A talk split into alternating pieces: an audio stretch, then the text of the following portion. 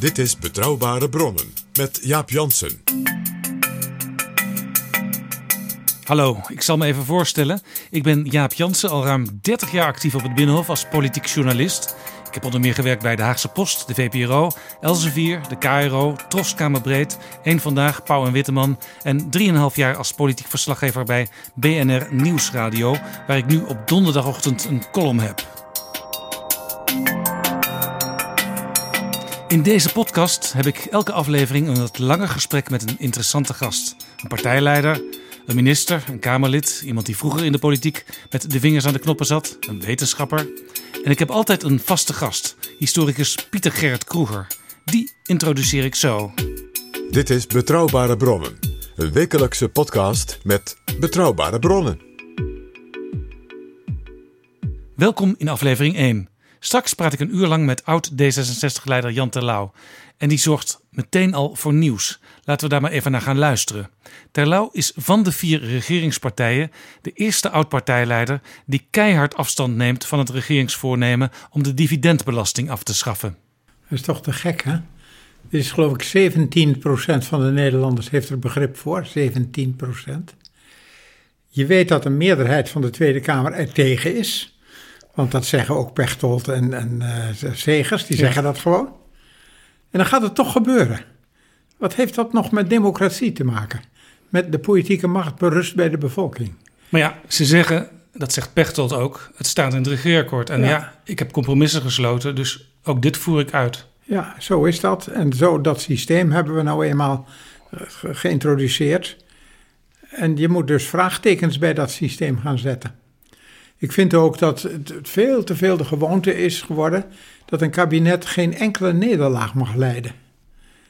Het kabinet mag nergens nat gaan, zeg maar. Wat is dat voor onzin?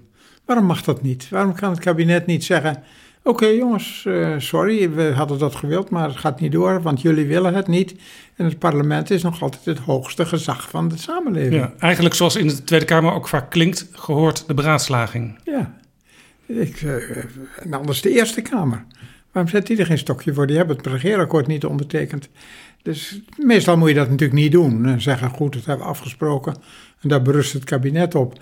Maar op sommige punten kan zo'n kabinet best eens even zeggen... Nou ja, jongens, jammer, dat was een beetje te vlug. En we gaan nog eens even over denken. Het vorige kabinet, uh, dat was VVD en Partij van de Arbeid... daar hadden ze in het regeerakkoord bedacht... de inkomensafhankelijke zorgpremie. De VVD-achterban die werd daar helemaal woedend over. De Telegraaf grote koppen. Want het resultaat zou zijn dat mensen met weinig inkomen eigenlijk geen premie meer hoefden te betalen. En mensen die het wat beter hebben, de hogere middenklasse, meer. Dat plan dat was binnen 14 dagen van tafel. Ja, dat, uh, dat kan dus, hè? Waarom dat dan nu niet kan met die dividendbelasting, is mij volstrekt een raadsel of volstrekt een raadsel. Ik heb natuurlijk lang genoeg in de politiek gezeten om te weten dat het lastig is. Ja, want je kunt natuurlijk ook zeggen, uh, bedrijven zoals Unilever, die houden er inmiddels rekening mee. Unilever heeft ook besloten om in principe het hoofdkantoor naar Nederland te verplaatsen. Ja, nou als ze dat dan niet willen doen, dan zij dat zo. Laat je niet de dienst voorschrijven. De politiek moet de baas blijven. Want weet je, nog even over, over politieke macht. Hè. Die hoort te berusten bij de bevolking. Die geeft de bevolking natuurlijk weg. Die verkiezen mensen en die gaan, geven ze macht. Ja. En die machthebbers die proberen die macht ook nog te vergroten en zo. Daar is allemaal niks op tegen, want leiding moet er zijn.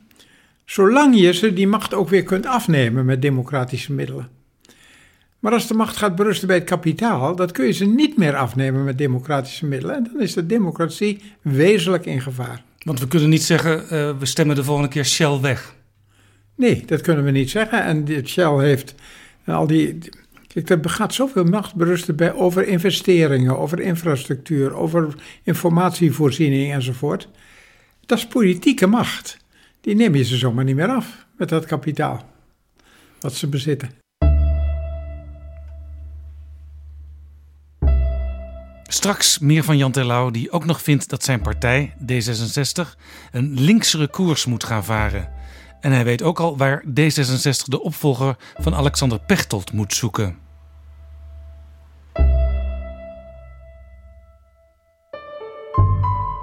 Jaap Jansen en Pieter Gerrit Kroeger Duiken in de politieke geschiedenis. Welkom in deze podcast Pieter Gerrit Kroeger, vaste gast in elke aflevering. Pieter Gerrit is uh, ook wel bekend onder vrienden als PG, PG Kroeger. Hij is historicus. Hij is onder andere de auteur van een dik boek over de geschiedenis van het CDA. En hij werkt op dit moment aan een tweede dik boek over de geschiedenis van het CDA. Welkom in Betrouwbare Bronnen. Dankjewel Jaap. Uh, ja, dat deel 2, uh, dat komt eraan inderdaad. En dat is de periode zeg maar 1998 tot nou, 2018. Je zou dus kunnen zeggen de, de Balkenende en Buma-jaren. Of misschien ook wel de, de, de, de, de Maxime en Mark Rutte jaren. Nou, uh, kortom, spannende periode dus. Uh, met Fortuin, met de eurocrisis, uh, met natuurlijk de hoogtijdagen van Balkenende als de verrassende premier, maar ook de instorting van die partij. En mensen die jouw eerste boek gelezen hebben, die weten, uh, die PG, die weet ongeveer alles van het CDA, die weet meer van het CDA dan uh, bij wijze van spreken Lubbers, Balkenende, Buma zelf.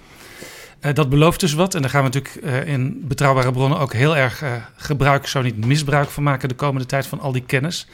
Uh, maar omdat je veel van het CDA weet en wat er allemaal achter de schermen uh, heeft plaatsgevonden, weet je ook heel veel over wat er in de VVD en de Partij van de Arbeid in D66, noem al die partijen maar op, aan de hand was en nog steeds is. En het leuke is van een historicus in een politiek programma, in een politieke podcast, die kan altijd verband leggen tussen actuele dingen van nu en dingen die tien jaar geleden, twintig jaar geleden, 200 jaar geleden plaatsvonden. En daarvoor heb ik jou graag uitgenodigd. En daarvoor wil ik ook graag elke week weer tappen aan die bron van historische kennis van jou, PG. Nou, hartstikke leuk. Ja, dat, de, rol van de historicus in een programma als dit is dus context in de tijd.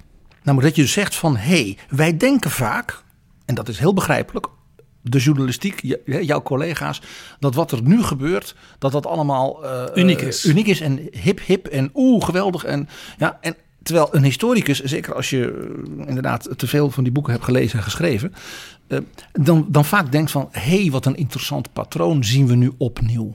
Ja. Of wat, wat, wat, zien we nu bijvoorbeeld in de wereld gebeuren? Dat we als het ware uh, de tijd van uh, na de val van de muur, waarin er een soort global civilization was, waarbij dus de EU hè, samenging, de, de, Rusland werd een democratie. ja. En je ziet dus nu weer een soort 19e eeuw terugkomen. Met grote wereldmachten, waarvan het evenwicht precair aan het worden is. En je ziet dat wij Europeanen daar bijvoorbeeld ontzettend moeilijk, moeilijk mee hebben. Want wij dachten dat dat voorbij was, wij die dachten, 19e eeuw. Ja, wij dachten dat de wereld af was en zeker Europa. En dat er uh, eigenlijk niks meer mis kon gaan. En dat we optimale welvaart hebben, optimale democratie. Maar niets blijkt minder optimale waar. ruimte. We mogen overal heen in Europa.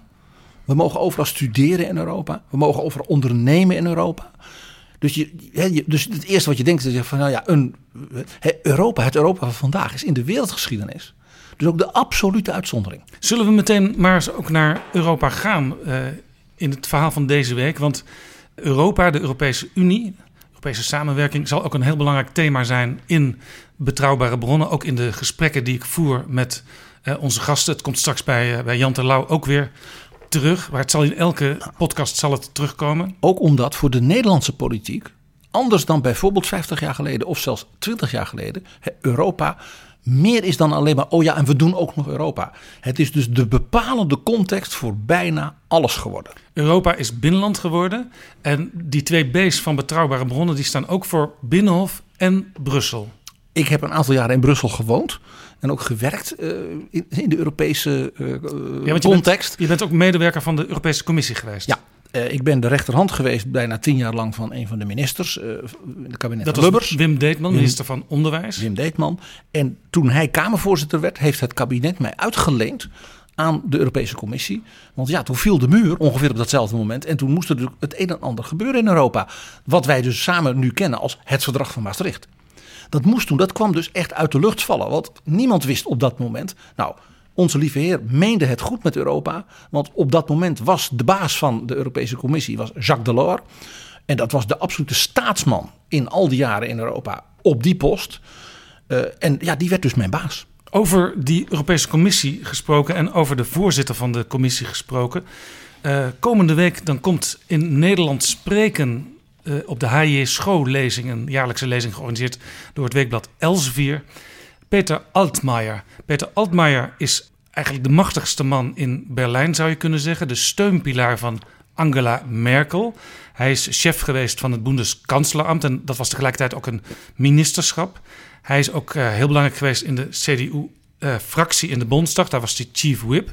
Nu is hij minister van Economische Zaken en ook van Energie. En eigenlijk alles wat Merkel doet, daar is hij op de een of andere manier adviserend uh, bij betrokken. Zeg, hij... zeg het ronduit: Angela Merkel doet niets zonder Peter Altmaier. En deze man, we gaan het zo verder over hem hebben, die wordt nu genoemd als mogelijk nieuwe voorzitter volgend jaar van de Europese Commissie als opvolger van Juncker, van Jean-Claude Juncker. Zo is het. En die Altmaier heeft iets heel bijzonders. Hij spreekt Nederlands. Ja, eh, Peter Altmaier spreekt zelfs buitengewoon goed Nederlands. En ik, als ik het goed begrijp, houdt hij die lezing hier in Den Haag volgende week ook in het Nederlands. Dat klopt. Een Duitse hele machtige politicus komt hier spreken in het Nederlands. En dat is echt, eh, nou ja, compliment voor de mensen van Elsevier.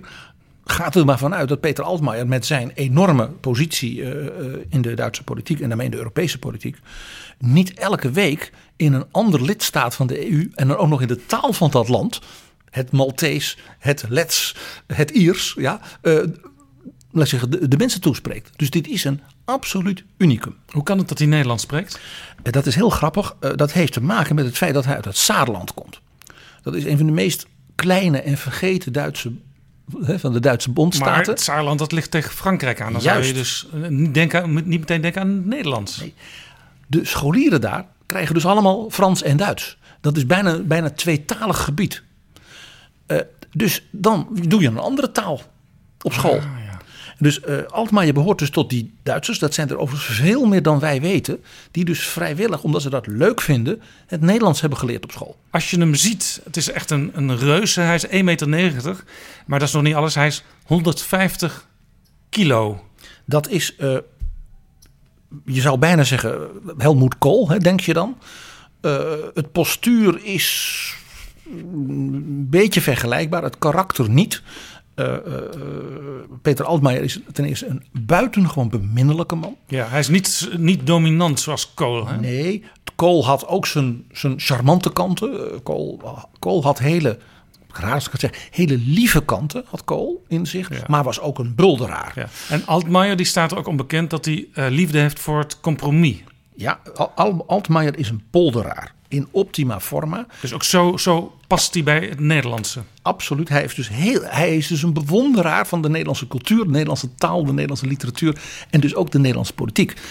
En het tweede is, Altmaier heeft iets heel bijzonders wat in de politiek, ook in, hier in Den Haag, uh, dat is zeldzaam.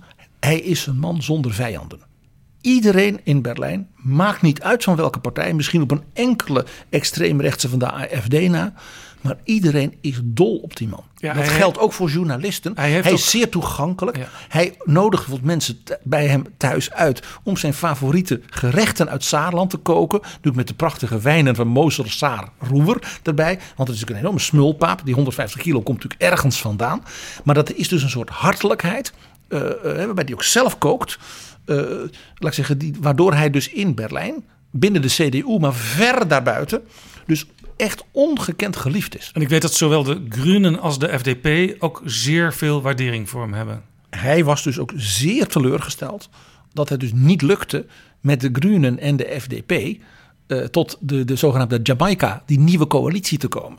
Want dat was typisch iets voor hem als man ook van energie, uh, klimaat, uh, milieu en economische zaken. Want dat is bij hem eigenlijk één geheel. Natuurlijk is er ook een milieuminister. Dat is eigenlijk wat we in Nederland nu ook hebben ontdekt. Hè, met Erik Wiebes die eigenlijk hetzelfde pakket heeft. Energie en economische zaken. Ja.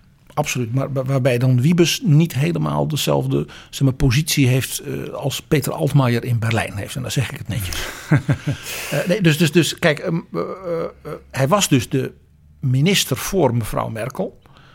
Die zeg maar de chef, dat is iets wat kennen wij in Nederland. Hij was dus zeg maar de politieke chef van het torentje, zouden wij zeggen. Ja, en dan zit je dus gewoon in het kabinet. En dan zit je in het kabinet. En waarom is dat? Omdat je onder andere verantwoordelijk bent voor het toezicht op de geheime dienst.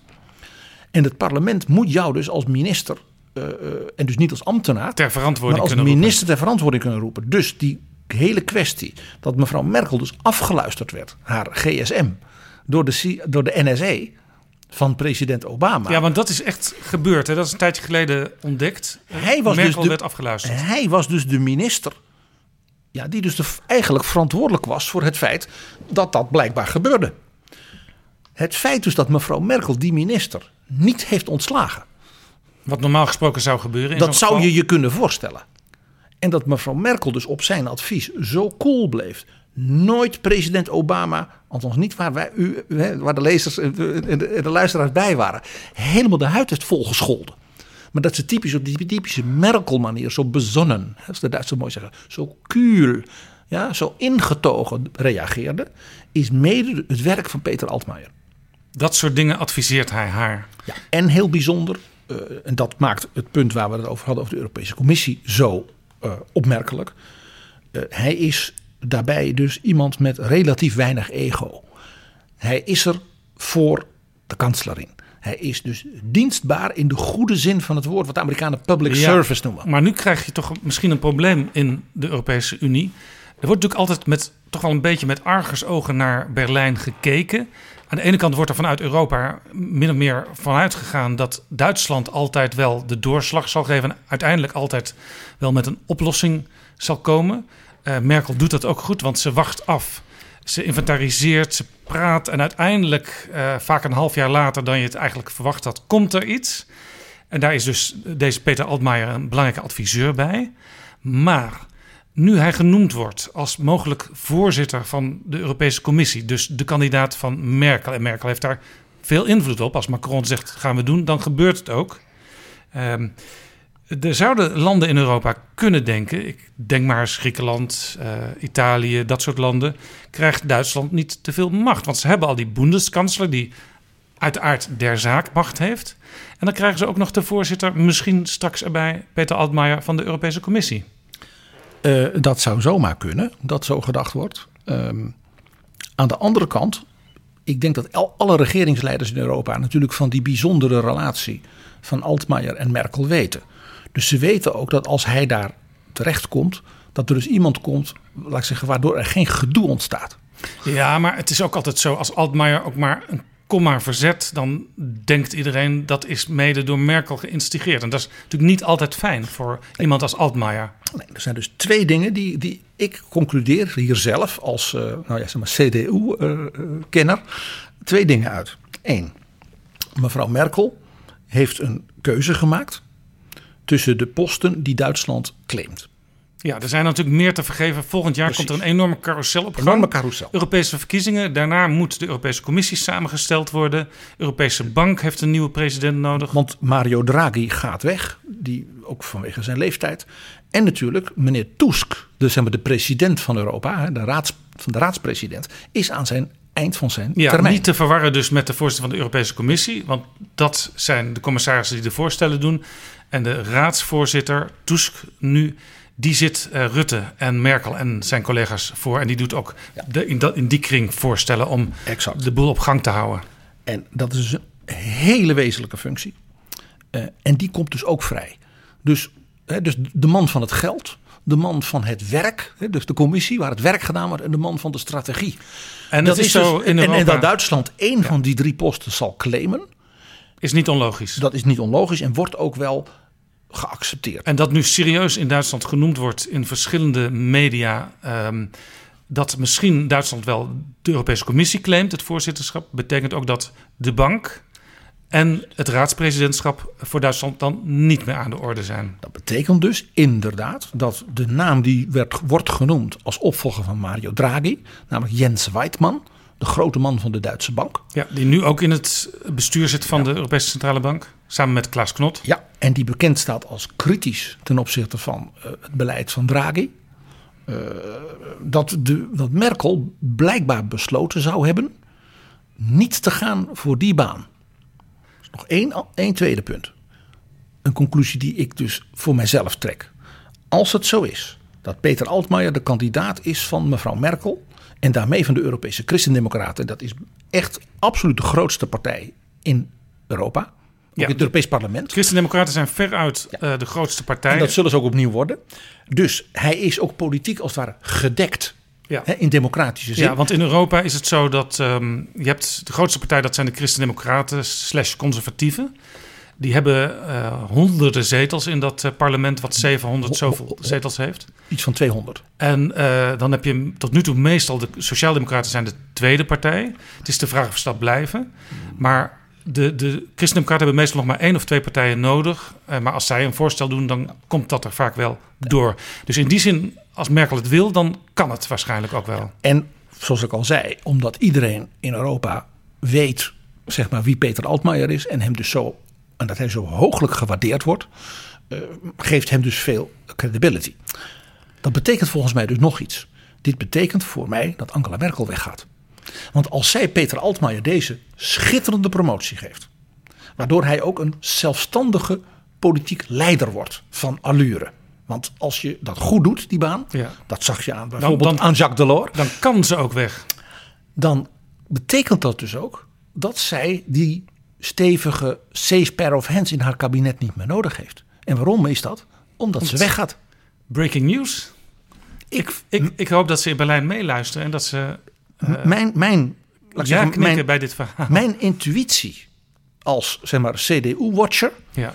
is dat Merkel bezig is haar opvolging te regelen. Met andere woorden, Merkel kan niet in Berlijn zonder Peter Altmaier. Dus gaat zij Berlijn uit. Dit is Betrouwbare Bronnen, een wekelijkse podcast met betrouwbare bronnen. We hebben natuurlijk Juncker nu als president, als, als voorzitter van de commissie. Komt uit Luxemburg, klein land. We hebben in het verleden zelfs een Nederlander gehad, Sikko Mansholt, begin van de jaren 70 eventjes. Als invaller. Eh, we kennen natuurlijk Jacques Delors als hele bekende en belangrijke. De grote staatsman van Europa. Ja. Maar hebben we wel eens een Duitser gehad op die post?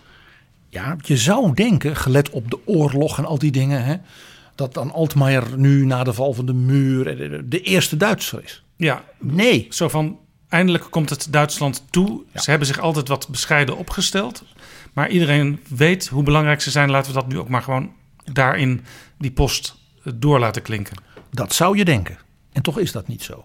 De allereerste commissiepresident was Walter Hallstein, een Duitser. En dat was dus een ongelooflijk gebaar van met name Frankrijk, maar ook van de Benelux-landen en Italië, die het dus oprichten, aan het nieuwe Duitsland toen onder leiding van natuurlijk eh, Konrad Adenauer. eh, zonder enige twijfel de, misschien wel de belangrijkste staatsman in Europa van na de Tweede Wereldoorlog. Ja, want het idee in het begin was eh, eigenlijk Duitsland moet eh eronder gehouden worden. Hè? Dus Frankrijk en Duitsland moeten ook samengeklonken worden. De industrieën die ooit voor oorlog gezorgd hadden, die moeten samengeklonken worden. Kolen en staal. Precies. en landbouw, zodat het idee van de Duitsers, we hebben niet genoeg levensruim, dus we gaan straks honger krijgen, dus we moeten in de Oekraïne allemaal mensen doodmaken, want dat was, eh, laten we er niet omheen draaien, dat was natuurlijk een deel van de gedachte in de 19e eeuw al. Dat werd dus opgelost door het Europees landbouwbeleid.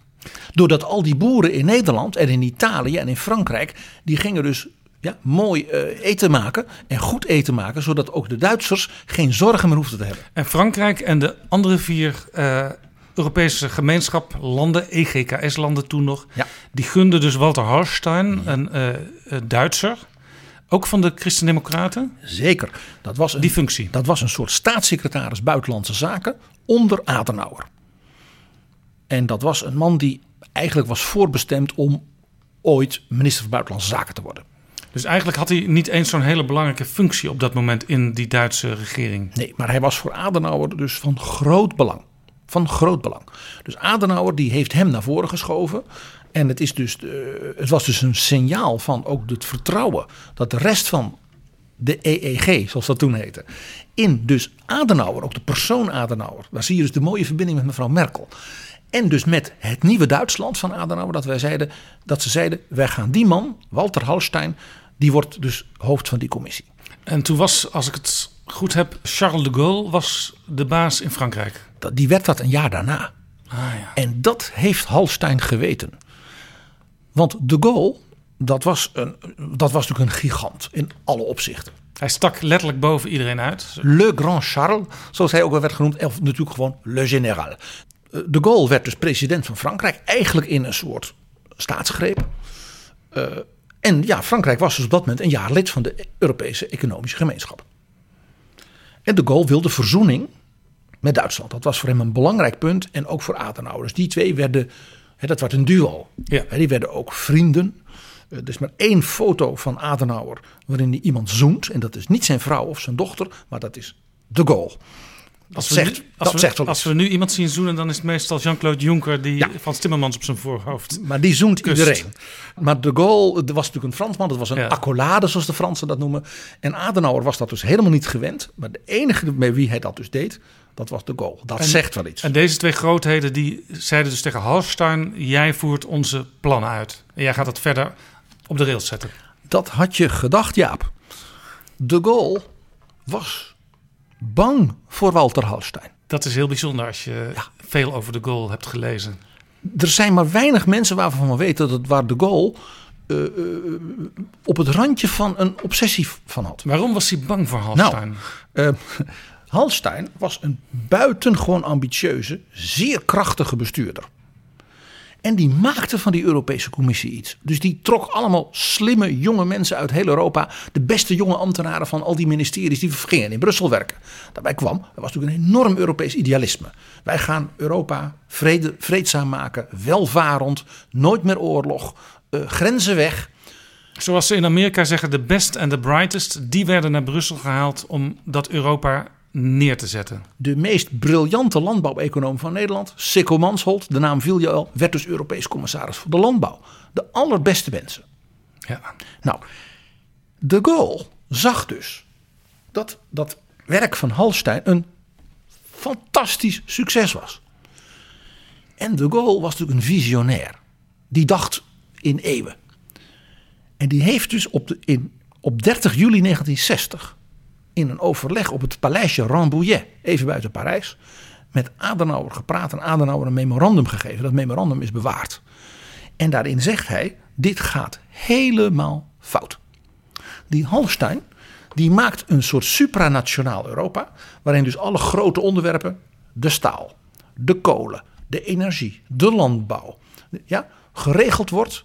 En al die bedrijven en die boeren, eh, die zijn er allemaal ongelooflijk blij mee. Dat begrijp ik, zei de Gaulle. Maar dat betekent dat wij als nationale staten weggespeeld worden. Je noemt het woord supranationaal, dus boven de staten. Ik zie hier ook het angstvisioen van een Geert Wilders, een Thierry Baudet, Europa superstaat. Harry van Bommel heeft er ook vaak tegen gewaarschuwd namens de SP. Daar was toen dus al sprake van in de visie Het is toch- van het is nog- de goal. Dat gaat er komen als we deze man zijn gang laten gaan. Het is nog gekker. Dat memorandum van 30 juli 1960 uit Rambouillet. Daarin schrijft de Gaulle: wij moeten toe naar een Europa der vaderlanden. Dus van soevereine nationale naties. En dat is eigenlijk weer de natte droom van Ja, nee, nee, Wilders, dat Baudet. Gaat, het gaat nog verder.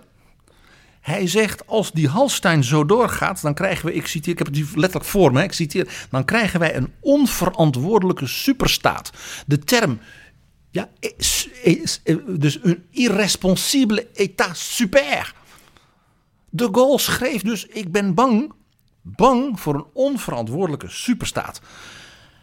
Hij zei, eh, we moeten wel één Europa. We moeten eenheid. Maar dat moeten we krijgen. Dus met die, die landen moeten dat met elkaar doen. Dat moet niet gebeuren, zoals hij zei, door ambtenaren in Brussel. En hij zei, die meneer Hallstein, die bouwt een gigantisch apparaat op. En dat doet hij voortreffelijk met de allerbeste mensen. Maar zei die, monsieur Hallstein, il n'est qu'un fonctionnaire. Meneer Hallstein, dat is slechts een, ambtenaar. ambtenaar. En generaal de Gaulle was natuurlijk niet alleen maar generaal, die was staatshoofd. En de regeringsleider. En was natuurlijk wel een staatshoofd die zijn eigen atoombom aan het bouwen was. Hè? En zijn eigen ruimteraketten. En hij wilde dus met eh, zijn collega-regeringsleiders, eh, presidenten, premiers, aan de haard, aan het haardvuur beslissingen nemen. En dat niet overlaten aan zo'n Europese Commissie. En er was toen nog geen sprake van een, een echt volwaardig dem- democratisch Europees parlement. Maar daar voelde de Gaulle ook niet zoveel voor. En kreeg de Gaulle toen uiteindelijk ook gelijk. Want nu wordt er vaak uh, geklaagd. Enerzijds door mensen van Europa wordt de superstaat. Maar anderzijds door mensen die juist meer willen van Europa. Uh, ze houden elkaar in evenwicht. Maar daardoor gaat het allemaal wel heel stroef in Europa. Want het Europees parlement heeft niet de macht. De commissie heeft uiteindelijk niet genoeg invloed. En de regeringsleiders hebben best wel veel invloed. Maar kunnen het ook niet zelf alleen voor elkaar krijgen. Dat is eigenlijk het uitvloeisel geweest van dat memorandum. Want Hallstein kreeg dat memorandum natuurlijk ook te lezen. Dat was een memorandum dus van de Gaulle voor Adenauer, alleen. Ja, een soort waarschuwing. Let Frans-Duitse as. Het gaat verkeerd. Frans-Duitse as. En bovendien, de Gaulle had natuurlijk, ik zei al, een visionaire man, natuurlijk een toekomstperspectief geschilderd. Wat hij wilde. Hij wou een politieke unie. Dus die landen moesten met elkaar besluiten politiek samen te gaan. Dus niet één Europese staat. Die zes landen moesten zes landen blijven. Maar politiek moesten ze hun belangen delen. Hij zei dus die, die, die, die landbouwdingen, die economische dingen. Daarvan zei de Gaulle, laten die ambtenaren, die functionair van monsieur Halstein. Laten ze vooral erg hun best doen. Hè, monsieur Mansholt en prima. Ja, gezamenlijke maar, regels waar iedereen aan voldoet. Ja, maar dat, dat hebben we nu ook onder het toezicht dus van le général. Hè? En niet onder het toezicht van een functionair. Dat was duidelijk. En het tweede wat hij zei, wat we dus ook moeten doen dan als Europese landen, met name Frankrijk en Duitsland, is onze defensie. Want dat kan dan. Dat kun je niet met ambtenaren doen, dat kan alleen met leiders. Dus hij heeft Adenauer toen voorgesteld dat Frankrijk en Duitsland in feite hun defensie ook zouden zeg maar, fuseren. En daarmee konden ze dan uit de NATO stappen. De droom van de Gaulle was de Angelsaksen, zoals hij dat noemde, Europa uit te krijgen. En nu weten wij waarom de Gaulle de Engelsen niet in de Europese gemeenschap wilde. Dat was omdat als die erin zaten, hij die droom niet meer kon realiseren. De Gaulle was een Brexit-man. En die twee dingen, de Europese defensiesamenwerking die ooit heel dichtbij was door dit plan, maar waar op dit moment over gesproken wordt van we moeten eigenlijk meer aan Europese defensie samenwerking gaan doen. En dat andere onderwerp, het Britse EU-lidmaatschap en de Brexit, daar gaan we het op andere momenten maar je ziet dus, over hebben. Je ziet dus hoe het functioneren van die allereerste Duitse euro-president, Europese Commissie-president Hallstein, dat die dus binnen, binnen twee jaar na zijn aantreden tot de meest fundamentele ook zeg maar strategische en geopolitieke conflicten leiden tussen hem en zijn aanpak. En, dan zie je dus niemand minder dan president de Gaulle. En dan zie je dus ook hoe belangrijk zo'n functionaris kan zijn. Kan zijn. Functionaris tussen aanleidingstekens, want uh, de Gaulle bedoelde het neerbuigend als ambtenaar. En ik bedoel het uh, als ja, de voorzitter van de Europese Commissie. Iemand die historische stappen kan zetten als die willen, als de omstandigheden goed zijn. dus in die zin kan Peter Altmaier, die dus heel veel goede relaties heeft, uh, niet alleen in Berlijn, maar ook met Den Haag en met andere Europese hoofdsteden, kan, mocht die Europese commissaris, uh, voorzitter van de commissie worden, ook weer zo'n rol gaan spelen in het Europa wat vanaf volgend jaar vorm krijgt. En het Europa van zeg maar 2019, 2024, hè, want over die vier jaar ja, hebben we want het. Europa werkt altijd in uh, blokken van zelfs vijf jaar. Ja, en ga er maar vanuit dat, dat Merkel Altmaier daar niet neerzet om vijf jaar nog een beetje uh, zeg maar, uh, uh, te dineren met deze en gene. Want zowel Merkel als Altmaier zijn natuurlijk mensen met een grote politieke drive. Onderschat dat niet. Dat zie je aan Merkel niet. Hè. Dat altijd ingetogen, maar is een vrouw die buitengewoon goed weet wat ze wil. En dat gebeurt ook. Altmaier zal daar voor tien jaar worden neergezet. Dat is nog een keer nieuws. Oh ja, die gaat dat niet toch voor vijf jaar doen. En het is ook weer, ik maak vaak bezwaar tegen politici als ik een gesprek met ze heb. Uh, juist nu, op dit moment, uh, historisch belangrijk en zo. Een politicus zegt dat om de haverklap.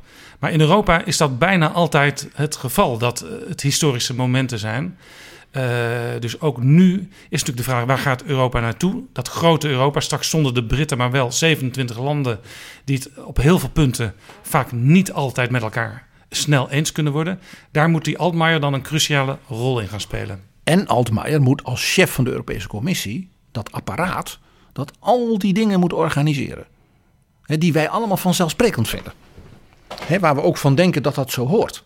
Dat je gewoon maar overal kunt studeren. Dat ja, elke boer eh, weet waar hij aan toe is. Dat er milieumaatregelen zijn die niet elk land apart neemt. Zodat het smerige water van de Rijn dan in Nederland bij zevenaar moet worden. Ge? Dat vinden we allemaal heel gewoon. Dat is het natuurlijk niet. ik zei al, Europa is de grote uitzondering in de wereldgeschiedenis. Hij moet dat leiden. En dat apparaat is klein. Die Europese Commissie, dat heeft minder ambtenaren dan de gemeente Amsterdam. Om eens een voorbeeld te noemen. Dus dat is ook nog hele goede mensen. Dat is de erfenis dus van Hallstein. De beste mensen proberen om je heen te scharen. Uh, overigens, daar is Jonker ook zeer in geslaagd. Jonker verdient echt heel veel waardering. Met hulp de afgelopen vijf jaar van onze eigen Frans Timmermans, die natuurlijk de adjudant van Juncker was. Maar bijvoorbeeld, ik noem een Jirki Katainen, de eurocommissaris van Finland. In Nederland natuurlijk helemaal niet bekend. Een jonge vent, een klasbak, om het maar even zo te zeggen.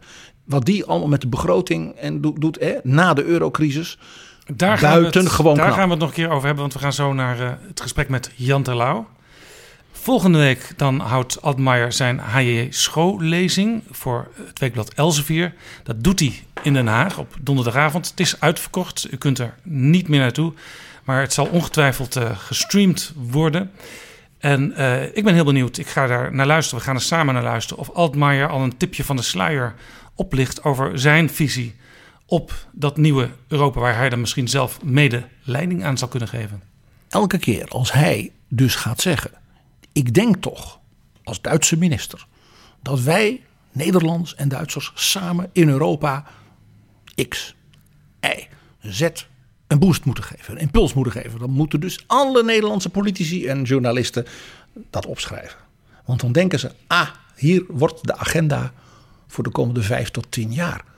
Mild, vriendelijk, hartelijk zoals Altmaier is maar wel op zijn Merkeliaans, schritt voor schritt, zoals Angela Merkel altijd zegt, wordt dat dus onthuld. Dankjewel, PG. Dit was Pieter Gerrit Kroeger.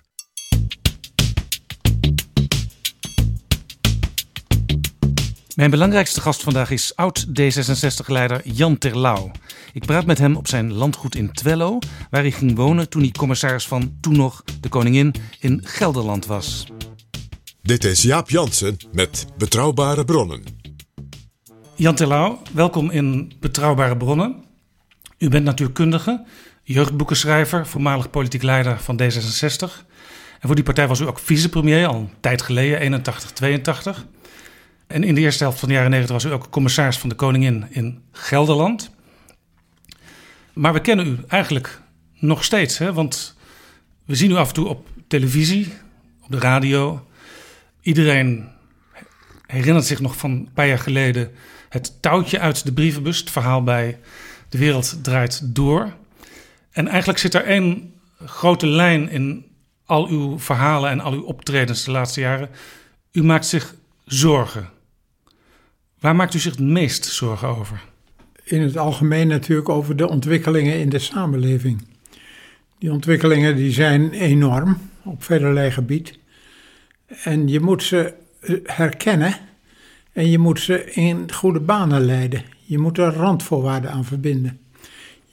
Als je kijkt naar de technologie, die heeft zich in zo'n razend tempo ontwikkeld, exponentieel. En exponentieel betekent dat het, eh, als het vandaag twee keer zo hard gaat, dat het morgen vier keer zo hard gaat. En dat is mooi, want we hebben nou iPhones, iPads. Uh, we kunnen van alles wat we twintig jaar geleden nog niet konden. Dat is heel mooi, zolang de techniek knecht blijft en niet baas gaat spelen over de mensheid, zolang die niet ons gaat dicteren wat we moeten doen. Natuurlijk heeft die techniek, hoe je het ook went of keert, een grote invloed op ons. De ontwikkeling van de pil bijvoorbeeld heeft natuurlijk de seksuele moraal beïnvloed. De ontwikkeling van de ruimtevaart zal het religieuze denken hebben beïnvloed. Het feit dat we allemaal achter onze open en automatisch open en dichtgaande deuren helemaal zelfvoorzienend zijn. Wat betreft een koelkast en wat betreft amusement en zo met Netflix en wat heb je. Dat beïnvloedt de eenzaamheid van mensen. Het is prima, het is prachtig en we hebben er heel veel voordeel van. Zolang het de techniek niet de baas wordt. En als je nou kijkt naar de geschiedenis van de laatste 50 jaar, dan zie je dat die techniek toch op het gebied van onze manier met de natuur omgaan, een invloed heeft die we zo niet door kunnen laten gaan. Er zijn nu zelfs uh, robots die uh, bejaarden thuis komen helpen. Ja. U bent uh, bijna 87. Zo'n Ja. robot heb ik hier in huis nog niet waargenomen. Nee. En het komt ook omdat ik nog heel actief kan zijn. Ik ben gelukkig altijd gezond geweest. Toi, toi, toi. Maar voor heel veel andere mensen die wat minder sterk zijn, is dat het geval. Nou, dat is natuurlijk heel mooi. Maar het heeft wel consequenties als robots voor oudere mensen zorgen. Vereenzamen ze niet, bijvoorbeeld. Want de kinderen denken, die robot is er toch. Ja, en dan zien ze maar weinig mensen meer. Dus wat, wat mij zorgen baart is dat ik vind dat de politiek, naar mijn gevoel, mondiaal onvoldoende begrijpt dat de politiek de baas moet blijven. Want je kunt nog zo schelden op politiek, het is wel ongeveer het belangrijkste wat we hebben. Politiek, dat is samenhang geven in een samenleving, dat is samen afspraken maken, dat is wetten maken. En de wet is misschien wel het allermooiste wat de mens heeft ontwikkeld.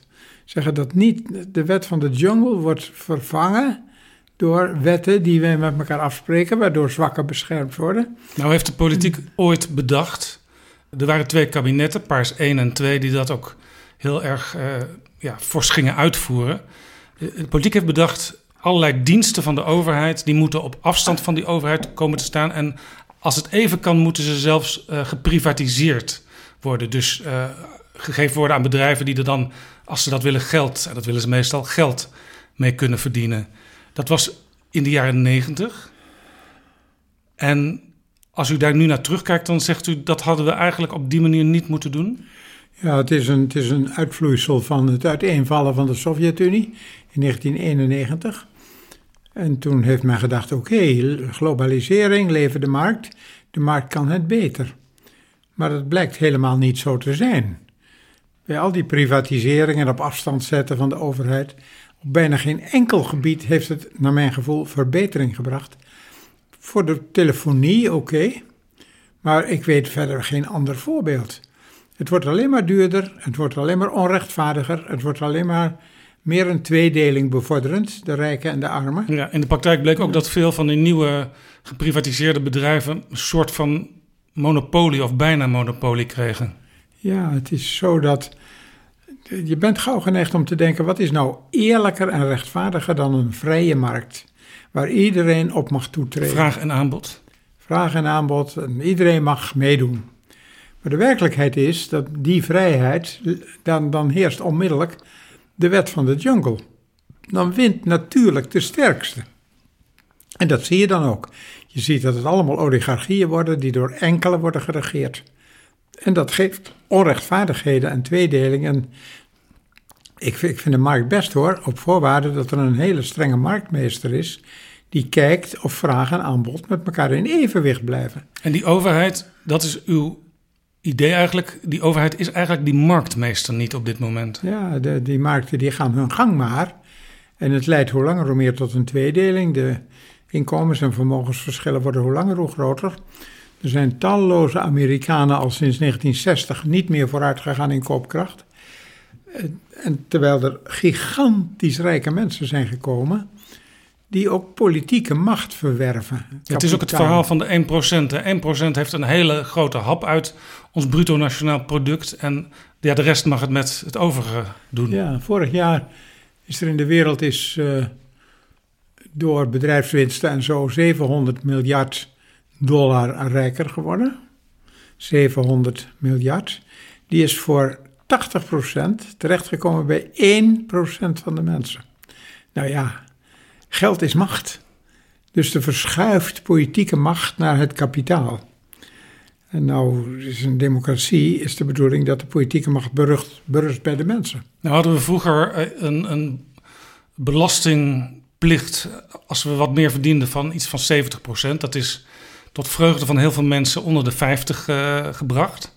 Daar was u het ook wel mee eens, denk ik. Ja, ik, ik vind dat hoeft niet per se allemaal via belastingen te gebeuren. Maar je moet zorgen dat, dat mensen niet zoveel geld kunnen verdienen, omdat er een, meer een evenwicht is.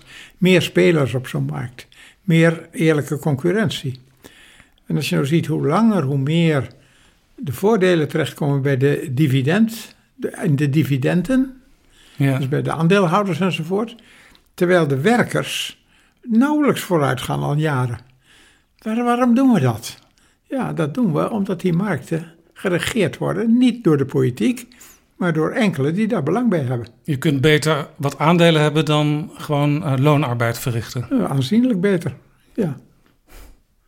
En dat is niet juist. Dat moet anders. Dat is maar één aspect hoor, waardoor het slecht is. Maar we zijn nu tientallen jaren bezig met die privatisering.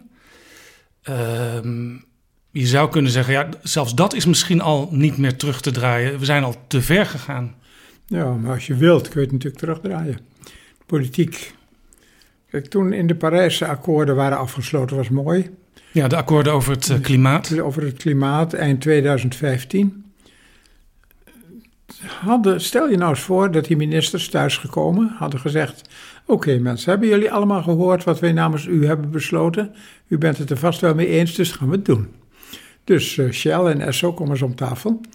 Dan zullen we eens even kijken hoe we dat gaan doen. Laten we bijvoorbeeld afspreken dat jullie volgend jaar van al je miljarden investeringen 20% doen in duurzaam. Het jaar daarna 30 enzovoort. En we spreken ook af dat wie het niet doet, diens olie komt er bij ons niet in. Dan hadden Shell en Esso en anderen gezegd: Oké, oké, u bent de baas. Dat gaan we dan doen. Als wij maar eerlijk mogen concurreren. Dus voor iedereen geldt. Wie het niet doet, diens olie komt er niet in. Eigenlijk een beetje vergelijkbaar met zoals het nu ten lange leste met het gas in Groningen is gebeurd. Daar is ook besloten, we gaan het anders doen en de gasmaatschappijen die moeten maar meewerken uiteindelijk. Ja, dat is, de politiek is namens ons nou eenmaal de baas. En dat is ook zo mooi dat dat zo is. Want dat betekent een samenleving waarin je het samen doet. En zoals ik net ook al zei, niets is er eigenlijk mooier dan de wet. De wet waarin je zegt: Oké jongens, dit hebben we afgesproken samen. We kunnen het ook weer veranderen, maar dat doen we. En waar berust die op? Op meer rechtvaardigheid, beschermen van de zwakken, denken aan het milieu, denken aan onze kleinkinderen enzovoort. Dat gaan we zo doen. En wat zie je? Je ziet dat de vooruitgang. Wat is nou de grootste vooruitgang van de laatste paar honderd jaar? We hebben de slavernij afgeschaft. Fantastisch. Religies hebben het niet gedaan hoor. Dat hebben democratische samenlevingen gedaan. Dat hebben we dus eigenlijk met z'n allen zelf besloten. Samen besloten, dat gaan we doen. Terwijl het in, in het belang van de grote bedrijven was dat die slavernij er was. Ja, natuurlijk. Maar we hebben als samenleving gezegd: nee, doen we niet meer. Overheid martelde mensen tot ze bekenden. En dan werden ze verbrand op het marktplein. Doen we niet meer. Dat vinden we onrechtvaardig. En dat is de wet. En dat doe je als je het samen doet. In een harmonieuze, democratische samenleving is de vooruitgang geweldig. Hebben we homoseksuelen niet meer vervolgd de laatste 140 jaar of zo. 120 jaar geleden zat, zat uh, Oscar Wilde nog in de gevangenis, de schrijver, omdat hij homoseksueel was. Doen we niet meer. Uh, we mogen niet meer alles doen met dieren wat we willen. Dat is helemaal ons belang niet, want het was best makkelijk dat dat mocht. Nee, gezegd samen doen we niet meer, jongens. Moet je kijken wat een vooruitgang. Fantastisch. De, de publieke moraal is, gaat zo vooruit in een democratische, harmonieuze samenleving met vertrouwen. Ik moet ineens denken aan een tekst eh, van, uit Sociaal-Democratische Hoek, dacht ik, ongeveer uit de tijd dat u geboren werd. De wet is de moeder van de vrijheid. Ja, daar ben ik het helemaal mee eens. Want vrijheid, vrijheid bestaat alleen maar in gebondenheid. Montesquieu, die zei: Wat is vrijheid? Je bent vrij als je kunt doen wat je moet doen. Als je je geweten mag volgen, dan ben je vrij. En dat is het geweten, dat hoort ons rekening te houden met anderen enzovoort. Dus niet alleen vrijheid van, maar ook vrijheid tot. Ja, en niet vrijheid om maar te doen wat je wilt. Nee. En verant je moet voor iets je doen geweten, met je verantwoordelijkheid. Vrijheid waar je iets mee kunt. Nou, dat is, ontzettend mooi. De vooruitgang is ongelooflijk. De morele vooruitgang in, de, in, in 300 jaar. Ongelooflijk. Wat er voor 300 jaar allemaal nog kon gebeuren. Er werden heksen verbrand. Uh, enfin. Moet je kijken hoeveel beter het is geworden. En dat gebeurt in een democratische samenleving, waarin je samen wetten maakt en er een wisselwerking is tussen het geweten van de mensen en de wet, die in samenhang samen tot die ontwikkelingen komen. In de jaren negentig werd er gezegd, uh, we moeten dereguleren. Als je nu naar het parlement kijkt, dan zie je eigenlijk dat er veel minder wetten worden gemaakt dan 20, 30, 40 jaar geleden. Ik dacht ook in de negentiger jaren hoor, nou dat zal dan wel goed zijn. Die, uh, die privatiseringen, wie weet, uh, leidt tot betere productie. Ja, want u zat in die tijd in de Eerste Kamer, hè? dus u heeft ook ja. wetten goedgekeurd. Ik heb ook wetten goedgekeurd. Maar je moet nu durven zeggen, nou, we hebben ons vergist. Op heel veel gebieden werkt het niet goed. Dus draaien we terug, vind ik.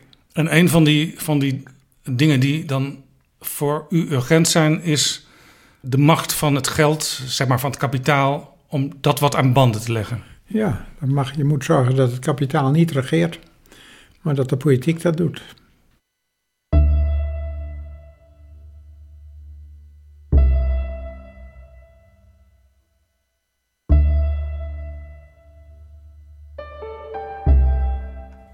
Jan Terlouw heeft recent een goede band opgebouwd met socialistische partijvoorzitter Ron Meijer.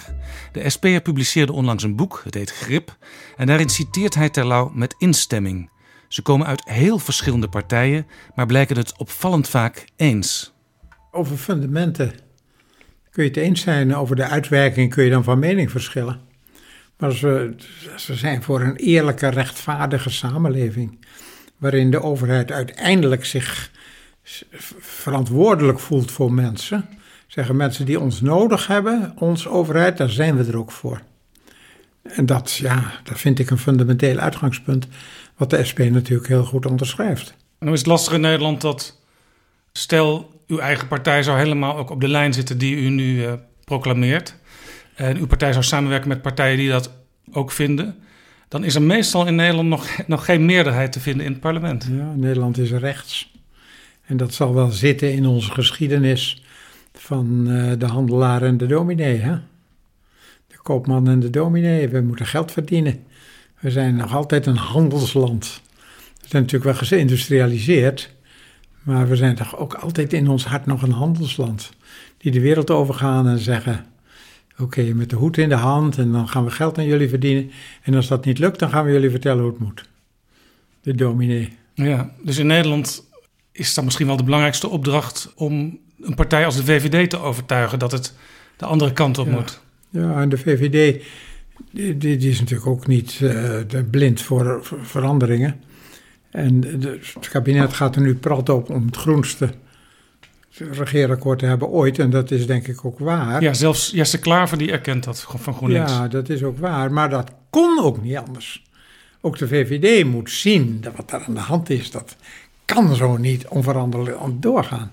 We hebben nou toch deze zomer weer gezien. We hebben de hagelstenen gezien en de grootte daarvan. We hebben Sint Maarten gezien. We zien wat er gebeurt. Daar kun je je ogen niet meer voor sluiten. Ja, dan moet je wat doen en dan krijg je het groenste regeerakkoord. Maar of het ver genoeg gaat, is een andere vraag. Ja, want in het regeerakkoord staat zelfs dat wat er in Parijs in het klimaatakkoord is afgesproken, daar wil Nederland nog een schepje bovenop gooien, zodat we wat sneller die CO2-vermindering krijgen. Dat is ook dringend nodig, want Parijs is nog gebaseerd op een zeer gemiddelde aannames. En het blijkt voortdurend dat het harder gaat. Maar dan moet er heel veel gebeuren. En het, zijn, of het Planbureau voor de Leefomgeving, die heeft dus gekeken wat er in het regeerakkoord staat. En die zegt, ja, als je dat allemaal bij elkaar optelt, dan kom je nog maar aan de helft van wat er nodig is. Ja, dus er moet veel meer gebeuren. En alleen maar procedurele afspraken maken, zoals Parijs deed en zoals nu ook het klimaatakkoord, dat is niet goed genoeg. Je moet het gaan invullen. Op de manier zoals ik net een voorbeeld gaf. Hè? Dat je zegt, kom om tafel, hoe gaan we dat doen? Dat gebeurt nu. Hè? Er zijn tafels onder leiding van Ed Nijpels. Ja. En die moeten eigenlijk, is de bedoeling, in december komen met de totale invulling van al die plannen. Ja, maar wat ik nou helemaal niet begrijp van de VVD... dat is toch een, een partij die realistisch kijkt naar markten, naar prijzen enzovoort. Dat meneer Wiebes, die overigens goede dingen doet hoor, maar dat hij, dat zegt, maar het mag jullie niks gaan kosten. Of bijna niks. Dat is natuurlijk echt onzin. Je moet de dingen hun echte prijs geven. Zeggen dat om dit goed te doen, dat gaat natuurlijk geld kosten.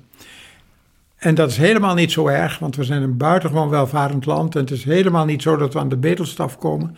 Maar we zullen toch de tering naar de nering moeten zeggen. Het gaat natuurlijk geld kosten. Mark Rutte, die als eerste zijn handtekening onder dat regeerakkoord heeft gezet, die zegt ook: het moet allemaal niet leiden tot minder comfort. Ja, dat is onzin. Het mag best leiden tot een beetje minder comfort. Want het comfort is over, overweldigend voor het grootste deel van de mensen. Maar dat je, als je denkt dat je kunt blijven naar Barcelona vliegen voor een paar tientjes. Nee, dat kan niet, want dat betaalt iemand anders dan. Als het eigenlijk 100 euro kost en je betaalt 10 euro, dan betaalt iemand anders dat. Wie? Of de belastingbetaler, maar hoogstwaarschijnlijk toekomstige generaties, onze kinderen en kleinkinderen. Dat moet je niet willen. En dan vlieg je maar wat minder naar Barcelona. Dat is dan heel jammer. Maar dat doet aan de kwaliteit van het leven echt niet zoveel af dat dat niet kan. Geef de dingen hun echte prijs. En zeg er als overheid bij: oké mensen, dat gaan we doen. En dat, dat zul je merken. Hoeft helemaal niet zo erg, maar je gaat het wel merken. En wij zijn ervoor om te zorgen dat de laagst betaalden niet in de problemen komen. Daar heb je een overheid voor. Nou is er naast de VVD en Mark Rutte is er ook nog het CDA en Sibrand Buma. En Buma die zegt op dit moment uh, tegen iedereen die het maar horen wil... ja, natuurlijk gaan we die afspraken uitvoeren. Maar ik maak me er heel erg zorgen over dat alle mensen die die klimaatoplossingen bedenken... ja, dat zijn meestal mensen hoog opgeleid, dus vaak ook een goed inkomen... Uh, die hoeven zich niet zoveel zorgen te maken. Die kunnen denken van welke Tesla ga ik over een paar jaar aanschaffen. Maar ik wil opkomen voor de mensen die een tweedehands autootje rijden en waar tegen straks gezegd wordt: je mag er niet meer in zitten, want dat ding is vervuilend. Ja, nou doe daar dan wat aan. Die vervuilende auto moet weg. Maar doe er als overheid dan wat aan om te zorgen dat die laagstbetaalden toch behoorlijk kunnen leven. Daar ben je toch voor als overheid? We waren er toch voor de zwakken? We waren er toch voor rechtvaardigheid? Dus, dus er zal toch een CDA eh, enig begrip voor moeten hebben. Maar hij schuift het af op onze kinderen. Wil je dat dan? Is dat dan wat het CDA wil? Nou. Ja, u had hier trouwens ook het CDA aan tafel een paar jaar geleden hè? en alle andere jongerenorganisaties. Ja. En uiteindelijk kwamen jullie ook met z'n allen tot een gezamenlijk manifest. Ja. Er stonden eigenlijk hele stevige, harde dingen in. Ja. Die niet allemaal in het regeerakkoord terecht zijn gekomen. Nee, bijna niks. Het was geweldig tien de voorzitters van tien politieke jongerenpartijen. Van links tot rechts. En in één avond met elkaar koffie drinken en een glaasje wijn. In verkiezingstijd kwam er een manifest met behoorlijk stevige uitspraken. De vervuiler betaalt, uitgangspunt van beleid. Wat betekent dat? Dat dingen hun echte prijs krijgen. Dat betekent het. En nou ja, allemaal van dat soort dingen. Multinationals moeten net zoveel belasting betalen als midden- en kleinbedrijf. Dat gebeurt ook niet, hè? Nee, sterker nog, als ze veel energie gebruiken, dan hoeven ze daar minder voor te betalen dan u en ik. Ze betalen bijna niks als ze heel veel gebruiken. Waarom? Ja, omdat dan het product te duur wordt. Nou, jammer dan. Dat is de echte prijs van het product. Ik heb producten die heel duur zijn. Ik heb net een nieuwe MacBook aangeschaft. Kost ongeveer 2000 euro. Wat is dat, MacBook? Zo'n mooie Apple-computer die je in je rugzak kan meenemen. Onderdelen worden in China, in India en misschien zelfs door kinderhanden gemaakt. Dat moet je niet willen. Dan is dat ding maar duurder. Of dan kun je hem een beetje later kopen. Waarom is dat zo erg? Eigenlijk zoals we, dat vroeger ook deden, sparen voor iets. Ja, het is een ontzettend mooie tijd. Goed, oude, oude mensen die gaan graag van vroeger was het beter. En heel veel was niet beter. Bijvoorbeeld al die morele vooruitgang waar ik het over had. Dus echt, die is er echt geweest. En er zijn meer dingen beter en we hebben betere medicijnen enzovoort. Maar sommige dingen waren echt beter, namelijk een tijd dat je blij was met een klein beetje groei, met steeds iets beter. En een mens wordt alleen maar ongelukkig als hij het slechter heeft dan de buren. Heeft heel erg weinig te maken met zo'n welvaartsniveau. Als, ook als je arm bent, als je het allemaal maar bent, maakt het zo weinig uit voor geluk. Maar je moet geen grote verschillen, daar worden mensen ongelukkig van. En daar is nou een overheid voor, vind ik, om te zorgen dat dat in de hand wordt gehouden. Helemaal gelijk krijg je het nooit. Dus misschien ook niet wenselijk om allerlei redenen. Maar hou het wel in de hand. Er zijn mensen die u nog hebben meegemaakt destijds als D66-leider en uiteindelijk ook vicepremier. En toen was eigenlijk het beeld, dat werd ook wel een beetje gevoed natuurlijk vanuit de Partij van de Arbeid, waar u toen samen mee regeerde. Van ja, die, die rechtse Jan Terlouw die loopt aan de leiband van het bedrijfsleven en uh, die houdt allerlei dingen die wij, Partij van de Arbeid, willen tegen. Ja, en als je dan vraagt, geef eens concrete voorbeelden, dan hebben ze die niet. Ja, nou ja, het ging toen, kan ik me herinneren, ook over akkoorden met Shell en Esso. Ja. U zei toen, ja, die zijn een paar jaar geleden gesloten. Die moeten we natuurlijk handhaven, want je moet betrouwbaar zijn als overheid. Ja, de, de, de vraag was, zij betaalde... De, de, vijf- 95% van de inkomsten ging naar de overheid en 5% naar hen toe. En de Partij van de Arbeid die, en die wilde dat dat meer zou worden. Nou, nog geen half jaar eerder had Van Ardenne een akkoord met ze gesloten. Hij was van de VVD, de Van- toen, van de toenmalige VVD. vicepremier. Ja. Eh, we hebben een akkoord gesloten dat we dat niet doen, maar dat ze, ik geloof, 7 miljard gaan investeren in Nederland. Nou, moest ik dat nou een half jaar later eh, ongeldig verklaren? Ik vond dat onverantwoord, ik vond dat onjuist, ik vond dat het, het Nederland de risée van de internationale bedrijfsleven zou maken, dus dat wou ik niet. De Partij van de Arbeid, die, die framede dat. Die zette Jan Terlouw weg als die rechtse D66er. Eh, dat framen in de politiek, dat is nu, heeft nu natuurlijk helemaal hoogtepunten bereikt. Het gaat bijna alleen nog maar om het elkaar wegzetten in een bepaalde hoek. Ja. Als je de politieke debatten ziet. Ontzettend zorgelijk. Dus laat toch als uitgangspunt zijn: we zitten hier om het beste voor de samenleving te doen. En niet om zelf beter te worden of om de partij groot te maken of wat dan ook. Nee. We zijn hier om te zorgen dat Nederland een welvarend, rechtvaardig land is. En zo bezien is het nog een wonder dat er uiteindelijk nu een kabinet zit van vier partijen. Ja, ik, ik, ik vind het heel erg jammer dat de SP en GroenLinks niet meedoen. Het zou een veel evenwichtiger kabinet zijn. CDA en VVD zouden nog altijd net even iets sterker zijn dan die andere drie samen. Maar toch evenwichtiger. En in deze tijd van veranderingen die nodig zijn, wat iedereen weet, zou dat veel beter zijn geweest, denk ik. Maar ja, ze wilden niet. Je hebt eigenlijk wat Wiegel in uw tijd noemde een nationaal kabinet nodig. Ja, ja, een beetje in die richting. Ja, ik vind een gezonde oppositie ook goed hoor. Moet je ook hebben. Om, om iedereen scherp te houden. Als je nou kijkt naar al die partijen in de Tweede Kamer, het zijn er een stuk of dertien. Er zijn natuurlijk veel verschillen, maar ook best wel veel overeenkomsten. U praat met Ron Meijer, u bent notabene erelid van D66 en u kunt het goed met elkaar vinden. Zou je ook niet moeten kijken of die partijen misschien tot elkaar moeten komen in de zin van gewoon inniger samenwerken en misschien fuseren? Ja, maar dat is ontzettend lastig. In D66 zitten heel veel mensen die heel liberaal zijn op het gebied van mensenrechten, hè? Van, van, eh, van ethiek, van eh, recht op euthanasie, van al dat soort dingen. En daar verschillen we dan toch ongetwijfeld in met de SP. Eh, ook de manier van denken. Die jongeren die hebben nu een manifest over het vliegen gemaakt, weer de jongeren. Ja, En daar wilde de SP niet aan meedoen, want ze wilde het alleen maar als dan ook de trein goedkoper werd. Ja, daar zullen we verschillend over blijven denken. Ook de trein moet zijn echte prijs hebben. Dat moet je op een andere manier doen. Zorgen dat de mensen voldoende inkomen hebben om dan te reizen. Ja, nou, dit is eigenlijk ook een beetje de redenering van Sibrand Buma. Hè? Straks kan eh, de gewone man niet meer op vakantie naar Spanje met het vliegtuig. Dat is dan ontzettend jammer. Dan gaat hij maar een keer minder naar Spanje. Dat kon vroeger ook niet. Waren we ongelukkig? Wel nee. Gewoon weer naar Bakken. Is- Ik vind het trouwens een, een redenering voor de bühne hoor. Eigenlijk, Bima denkt aan het bedrijfsleven. Die denkt niet aan die mensen die niet meer met de trein naar Spanje kunnen. Dat denk ik. Ja, het CDA is natuurlijk ook altijd de partij van de, de boerenstand geweest. Hè? Ja, De grote boerderijen. ja. Maar toch, CDA was toch vroeger linkser, had een sterkere linkervleugel dan tegenwoordig. Tot mijn verdriet. Ja. ja, er waren altijd wel CDA'ers te vinden die, die net iets anders erover dachten dan, eh, dan de leiding destijds. Ja. Ja, maar dat, dat is ook een ding van tegenwoordig. Hè? Ook in uw eigen partij zie je nauwelijks nog wat ze dan vroeger wel eens eh, dissidenten noemden. Nou, er is nu een beweging, die heet opfrissing. Ik weet niet of u er al kennis van hebt Boris van der Ham en een aantal Ja, konuiten. met honderden aanhangers. En er stond pas weer een groot stuk in de Volkskrant over wat ze vinden.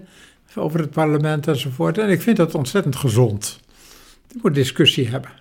Niet allemaal aanlopen achter de leiding. Fikse discussies in, in congressen. eh, moties aannemen die net iets te ver gaan. En die dan toch geprobeerd uitgevoerd te worden enzovoort. Dat is gezond, dat is fijn. Daar doe je het voor. Ja, ze zeggen ook, eh, er moet minder fractiediscipline komen. Maar toen u fractieleider was, denk ik dat u niet graag had dat mensen anders stemden dan de algemene lijn was. Nee, maar ik stond het prima toe hoor. Gebeurde ook. Over de neutronenbom enzovoort, weet ik nog. Dissident in de fractie. Nou, oké. En Boris van Ham zegt in dat verhaal wat u aanhaalt uit de Volkskrant ook... misschien zou je ook af en toe eh, meerdere sprekers per fractie bij één onderwerp moeten hebben. Als, als zo'n fractie een beetje verdeeld is over zoiets, ja, dat zou best kunnen. Eh, doe maar. Is gezond voor de democratie. Maar de spindokters van alle partijen die, die slaan nu hun hoofd op de tafel van... ja, maar dan is onze partij niet meer herkenbaar voor de kiezer. Ja, dan wordt de kiezer toch onderschat. En dat vind ik dat heel vaak gebeurt. Als je, eh, neem mijn eigen partij, die stemmen nu voor dingen waar ze eigenlijk niet voor zijn, omdat het in het regeerakkoord staat. Dan hebben ze er een redenering bij, bijvoorbeeld, nou ja, je haalt het toch niet, dus dan stemmen we maar met het kabinet mee. Ik vind dat je dat niet moet doen. Dat je moet zeggen, mensen, wij stemmen met frisse tegenzin hiervoor. Dus u weet best dat we het er niet mee eens zijn. Dat hebben we jaren uitgedragen. En in dit geval, ja, je moet geven en nemen. Dat snapt de kiezer best. Veel D66'ers maken zich zorgen en u hoort daar, dacht ik, ook bij. Ik meen iets van u gelezen te hebben een tijd geleden... over hoe D66 omgaat met de democratie... met eh, bijvoorbeeld afschaffing van het referendum... wat dit kabinet eh, doet. Nou was u zelf vroeger nooit zo'n staatsrechtelijke vernieuwer, herinner ik me. Dat, dat, dat deed Hans van Mierlo altijd. Maar toch vindt u dat het, zoals dat afschaffen op dit moment gaat... dat dat niet goed is? Ja, ik vond in mijn tijd, ik, heb die staatsrechtelijke vernieuwing altijd al gesteund, maar ik heb het er nooit zo hard voor gemaakt, omdat ik vond dat het ontzaglijk veel politieke tijd kostte. Terwijl ik in die tijd vond dat twee dingen echt prioriteit hadden. Dat was innovatie van het verouderde bedrijfsleven en milieubescherming, natuurbescherming. Dus ja, dat was meer mijn, mijn prioriteit. Ik was niet tegen die andere dingen, maar het had nou niet mijn, dat ik dacht, goed, hier kan ik iets scoren of zo. Uh, maar dat referendum, kijk, bijna ieder land heeft een referendum. Er zijn er maar een paar die het niet hebben. En voor ons was het een, een echt een belangrijk punt in het begin. Het werd zelfs ja, kroonjuweel genoemd. Kroonjuweel. Nou, nou hebben we het. En dan gaat het kabinet het afschaffen. En zegt, we gaan wat nieuws bedenken. Ja, dat duurt minstens acht jaar. Je zou, en dan zit je met een referendum waar je niet vindt dat het helemaal goed functioneert. Kun je zeggen, nou, oké, okay, we hebben een commissie Remkes ingesteld, staatscommissie. Die, Die komt, komt eind dit jaar met een, met een verslag. Laten we eens eventjes wachten tot onze eigen staatscommissie met een advies komt en dan zullen we zien. Nee, met ongelooflijke spoed moet het referendum afgeschaft worden. Oké, okay, kun je zeggen, regeerakkoord, niks aan te doen. Maar dan mag het ook nog niet referendabel zijn. Dus je vraagt niet aan de bevolking, wat vindt u daar nou van? Dat die bevoegdheid u wordt afgenomen. Nou, dat is voor mij onverteerbaar. Dat, uh, nou, of laten we zeggen, minstens onverklaarbaar. Dat, dat moet je zo niet doen. Ja, had kunnen zeggen, we schaffen het af, maar dat doen we pas als er een alternatief is. Ja, we, of we gaan eens kijken of we dit kunnen veranderen.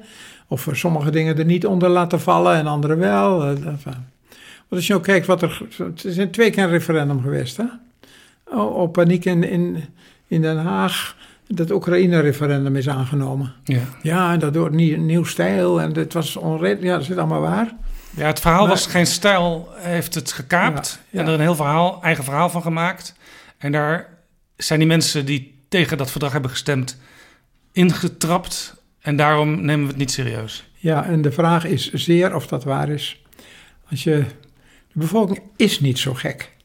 Als een meerderheid daarvoor stemt, er was een meerderheid voor, zou het misschien zo kunnen zijn dat de meerderheid van de bevolking toch voelt, nou, die uitbreiding van de Europese Unie is te hard gegaan, is alleen maar op economische motieven gedaan, open grenzen, zonder na te denken over dingen als cultuur, historie, onderwijs enzovoort. Piano aan mensen en niet ook de Oekraïne. Of mensen, ook al hebben ze er niet zoveel verstand van, die, die toch een geopolitiek gevoel hebben. Nou, die buffer tussen de Sovjet-Unie en de Europese Unie, dat is zo gek nog niet. Mensen die een beetje gevoel voor Poetin hebben, als je eerlijk bent, dan zie je dat veel meer het Westen is opgedrongen naar hen toe dan omgekeerd. Als je Baltische staten NAVO-lidmaat maakt, ja, je omringt die Sovjet-Unie. Maar het idee was, toen de muur was gevallen, we gaan natuurlijk niemand, geen land dwingen, maar die landen die zijn blij dat ze onder dat Sovjetjuk uit zijn. En vanuit Europa werd gedacht, laten we maar snel die landen toelaten, want misschien zitten ze straks weer onder het juk van Rusland. Ja, het nieuwe dus Rusland. Heel begrijpelijke gedachte.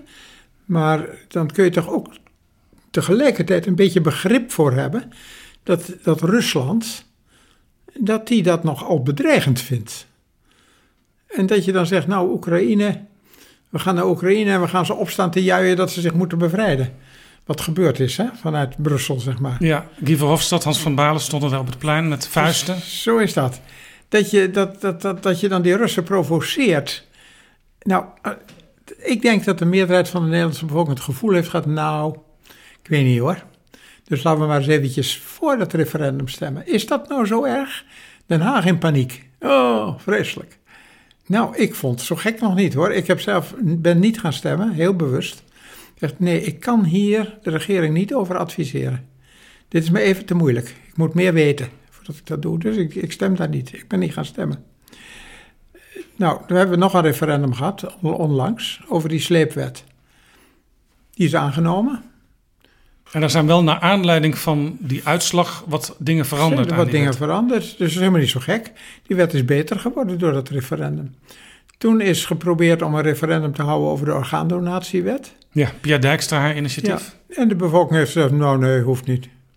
Zo wel goed. Dus misschien kun je zeggen dat de bevolking, dat de kiezers ook langzamerhand het instrument leren te hanteren. Ja, ik vind het helemaal niet zo. Ik vind het helemaal geen overtuigend bewijs is dat het goed, dat het slecht gaat. Waarom moet je het dan zo overhaast afschaffen? Begrijp ik niet. Nog even over Rusland en Europa.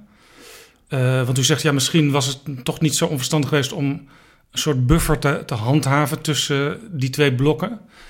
Eh, maar ja, in Estland, Letland, Litouwen en ook andere landen zeggen ze dan: kijk naar Georgië, kijk naar Oekraïne, die worden zomaar binnengevallen. En dan, da- dan staat Europa, dan staat de NAVO met lege handen. Ja, ze worden zomaar binnengevallen. Dat, dus- dat hebben wij ook schuld aan.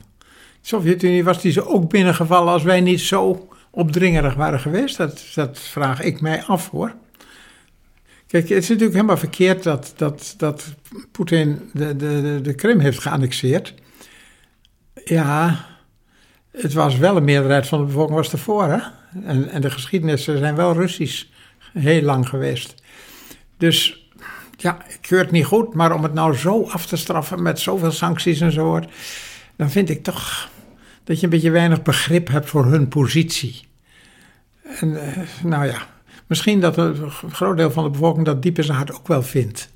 Dat zou ik me kunnen voorstellen, in ieder geval. Ja, Oekraïne is een corrupt land. Het geld kwam vooral terecht bij banken en bij grote industriëlen en niet bij de bevolking. Ik vond niet zo erg dat dat aangenomen is, dat referendum. Er was ooit een plan van Lubbers, dat is meteen eigenlijk van tafel eh, geveegd. Eh, hij was premier en er was een akkoord werd er gesloten in Maastricht over de toekomst van Europa. En Lubbers die wilde daar een heel politiek Europa van maken. Eh, dat is allemaal niet doorgegaan. En toen is later eigenlijk de omgekeerde redenering gevolgd. Eh, we gaan de Europese Unie uitbreiden, we gaan de euro invoeren. En als we dat soort dingen doen, dan volgt uiteindelijk de politiek vanzelf. Maar ook hier zie je misschien dat die euro misschien te snel en met te veel landen is ingevoerd. Ik denk het wel. Er zijn allerlei dingen natuurlijk verkeerd gegaan. Te makkelijk vrij vervoer van personen over grenzen. Waardoor sommige bevolkingsgroepen zich echt bedreigd voelden. Maar ja, dat is de kern van de Europese Unie, die, dat vrije verkeer. Je kunt het ook te snel doen. Hè? En je kunt ook proberen om uitwassen een beetje te beteugelen. Maar het is allemaal met zo'n vaart gegaan. Leven de economie. Het is puur alles van in de Europese Unie wat ik heb zien gebeuren. Ja, op grond van economische argumenten. Maar er is toch nog meer in het leven. Er is toch ook nog cultuur, er is toch ook nog geschiedenis, er is toch ook nog onderwijs, er is toch ook nog... Nou hoor ik ook mensen zeggen, ook uit uw partij, ja, Europa is ook een waardestelsel. Ja, Maar u ziet dat te weinig. Dat zie ik te weinig en er is nu ook meer aandacht voor. En ik, ik ben echt voor Europa hoor, geen, geen, geen misverstand. Ik denk dat het helemaal niet kan dat we in deze tijd doorgaan op ons eentje. Maar wel graag een Europa van waarden, waar meer nadruk op wordt gelegd. Ik denk ook dat bij de komende verkiezingen dat toch wel meer aandacht zal krijgen. Ja. De Britten die stappen eruit, althans eh, dat lijken ze nog steeds van plan, de Brexit. En mijn idee is dat een van de redenen waarom uiteindelijk de meerderheid voor die Brexit heeft gestemd, is eh, ook wat u net zegt, dat vrije verkeer van personen. Want er waren op een gegeven moment in sommige straten meer Poolse winkels dan, dan Ja. winkels waar ze nog Engels spraken. Ja, en dan denken mensen, dit wil ik niet. Dan maar wat slechter gaat het ons, maar dit wil ik niet. Het is echt een teken aan de wand, zo'n brexit. Hè? En dat is ook heel nut. En kijk nou naar Italië. Die wil eigenlijk niks meer van de Europese Unie weten. Ik denk dat dat mooie signalen zijn voor Brussel, hoor. Zeg, jongens, absoluut Europa, maar kijk wel eens even hoe. Ja, in Italië is een eh, partij nu ook aan de macht die wij extreem rechts zouden noemen. In Nederland heb je natuurlijk de partij van Geert Wilders. Je hebt tegenwoordig ook Thierry Baudet. Die pleiten allebei, zou je kunnen zeggen, voor een hek om Nederland. Ja, Dat is denk ik in uw redenering ook een gevolg van die ontwikkeling. dat denk ik, ja. En eh, daar krijgen ze mensen voor mee. En dat betekent Europa denkt meer naar Europa als waardegemeenschap. Kijk wat er gebeurt in Polen en Hongarije, waar de democratie aan het afkalven is. Heb je wel lang genoeg nagedacht en hè,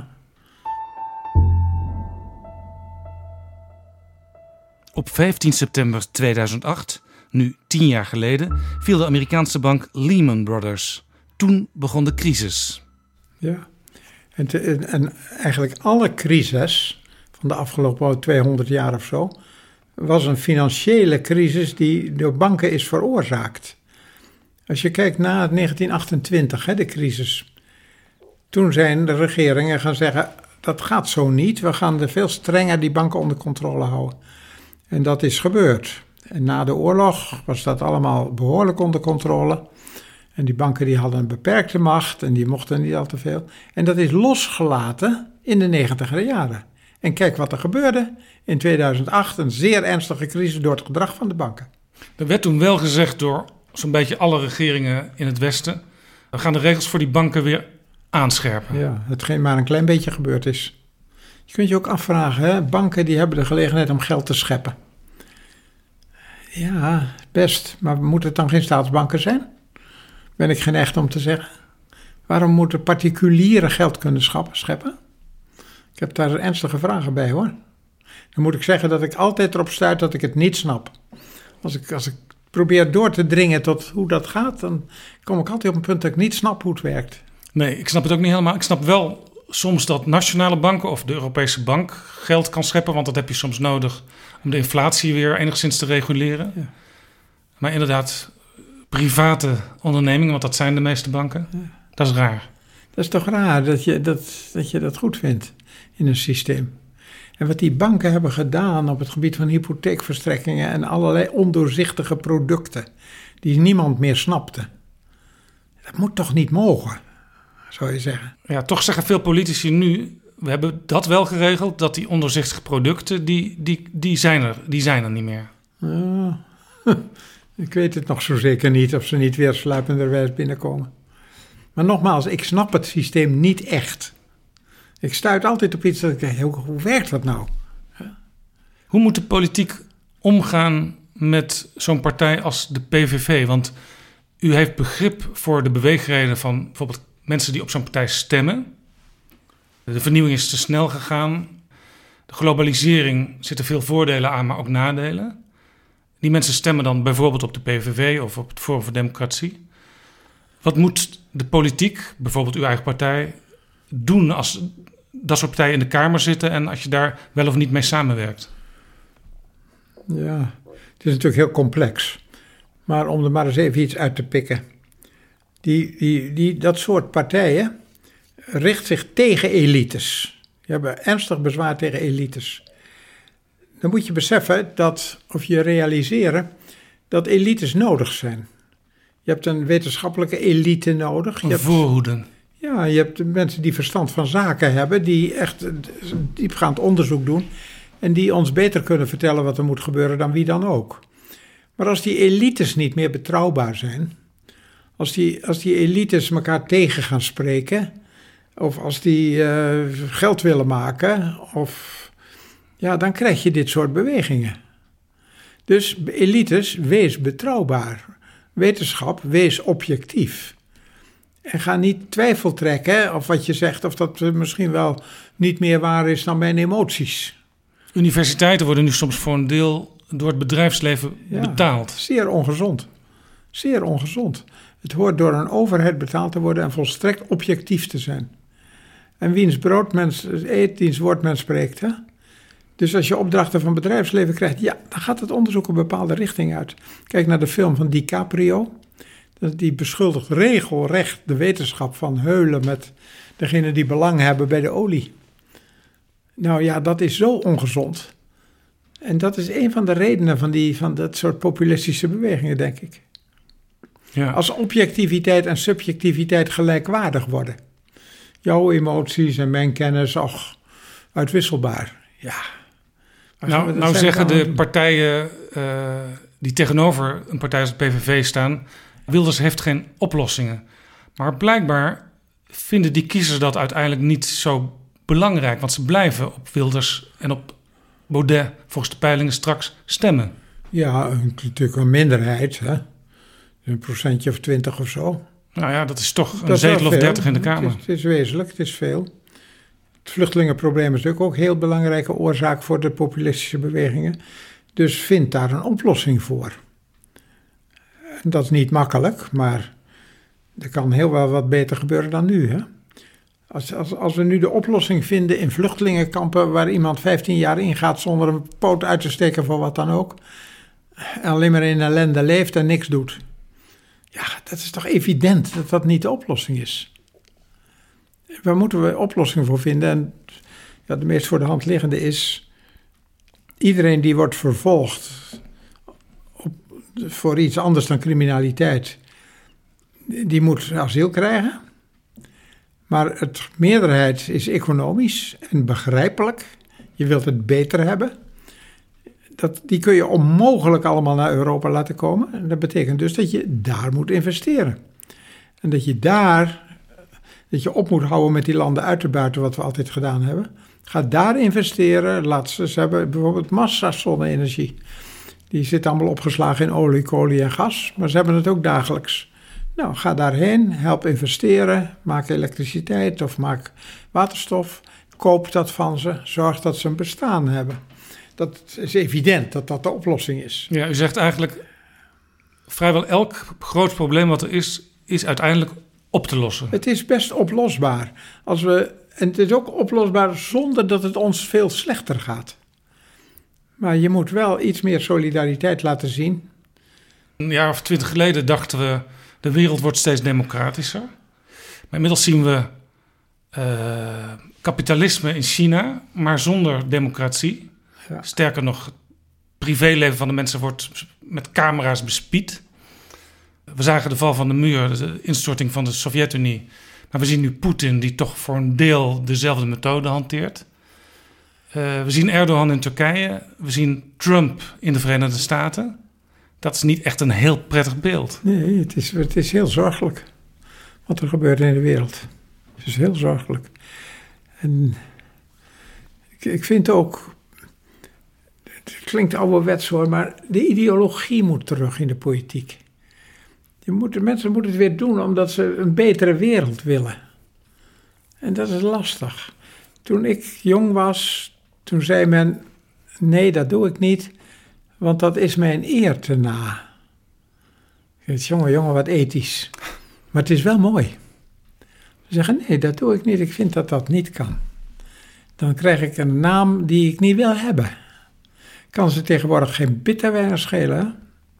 eh, Ik heb ook nog in mijn tijd meegemaakt hoor. Als ik mensen in een bestuur en die moest dan weg omdat het niet goed ging. Ja, er werd schaamteloos een paar jaar salaris gevraagd, al hadden ze ernstige fouten gemaakt. Sterker nog, nu als iemand uh, CEO wordt of lid van een raad van bestuur, dan spreekt hij meestal al bij zijn komst af wat hij krijgt als hij plotseling moet verdwijnen. Ja, en ook als hij het hartstikke verkeerd doet. En je ziet die bankiers, die zijn, hun ellende is betaald door de belastingbetaler en ze zijn zelf weggegaan met miljoenen. En dat begint in de bevolking als normaal ervaren te worden. Ja, en heel veel uh, republikeinen in de Verenigde Staten, die oorspronkelijk tegen Trump waren, die zwijgen nu omdat ze denken, ja, die kiezers die op Trump hebben gestemd, dat zijn ook de mensen waar ik het van moet hebben. Ja, die willen straks herkozen worden. Ik moet nog zien dat Trump uh, zijn herverkiezing niet wint hoor. Als het zo doorgaat. Het kan zijn dat hij ten val wordt gebracht door het gerecht. Maar dat is wel heel lastig hoor, dat gebeurt niet gauw. Hoe komt dat dat Trump zo populair blijft? Ja, omdat hij dingen doet waarvan de mensen denken dat het uh, goed voor ze is. Wat doet hij dan? Want ik zie eigenlijk niet zoveel. Uh... Nou, hij heeft natuurlijk de economie mee. Ja. En hij zegt, uh, kolenmijnen mogen best open. Nou, dat vinden mijn Maar er is nog geen mijn open gegaan. Nee, je moet ook zien dat het gebeurt hoor. Dus die staten die zijn verstandiger dan hij. Maar goed, hij zegt dat en uh, komt werkgelegenheid terug. En hij zegt, nee, alles wat verdwenen is naar het buitenland, dat gaan we weer hier doen.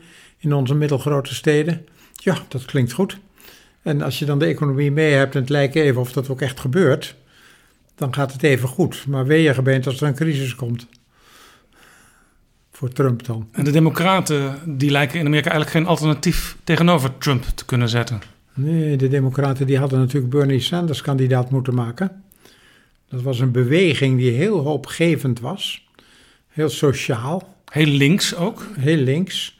Nou, socialisme, dat is in Amerika natuurlijk een scheldwoord. Sterker nog, Sanders was niet eens lid van de Democratische Partij, want hij werd altijd als Democratic Socialist uh, gekenschetst. Ja, die was een socialist en dat lijkt nergens naar.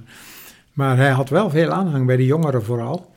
En opiniepeilingen lieten zien dat hij gewonnen zou hebben van Trump. Want waarschijnlijk had hij ook een deel van de kiezers van Trump naar zich toe kunnen trekken, omdat die zeg maar dezelfde sociologische ja. omstandigheden en, en hebben. sociale voorstellen.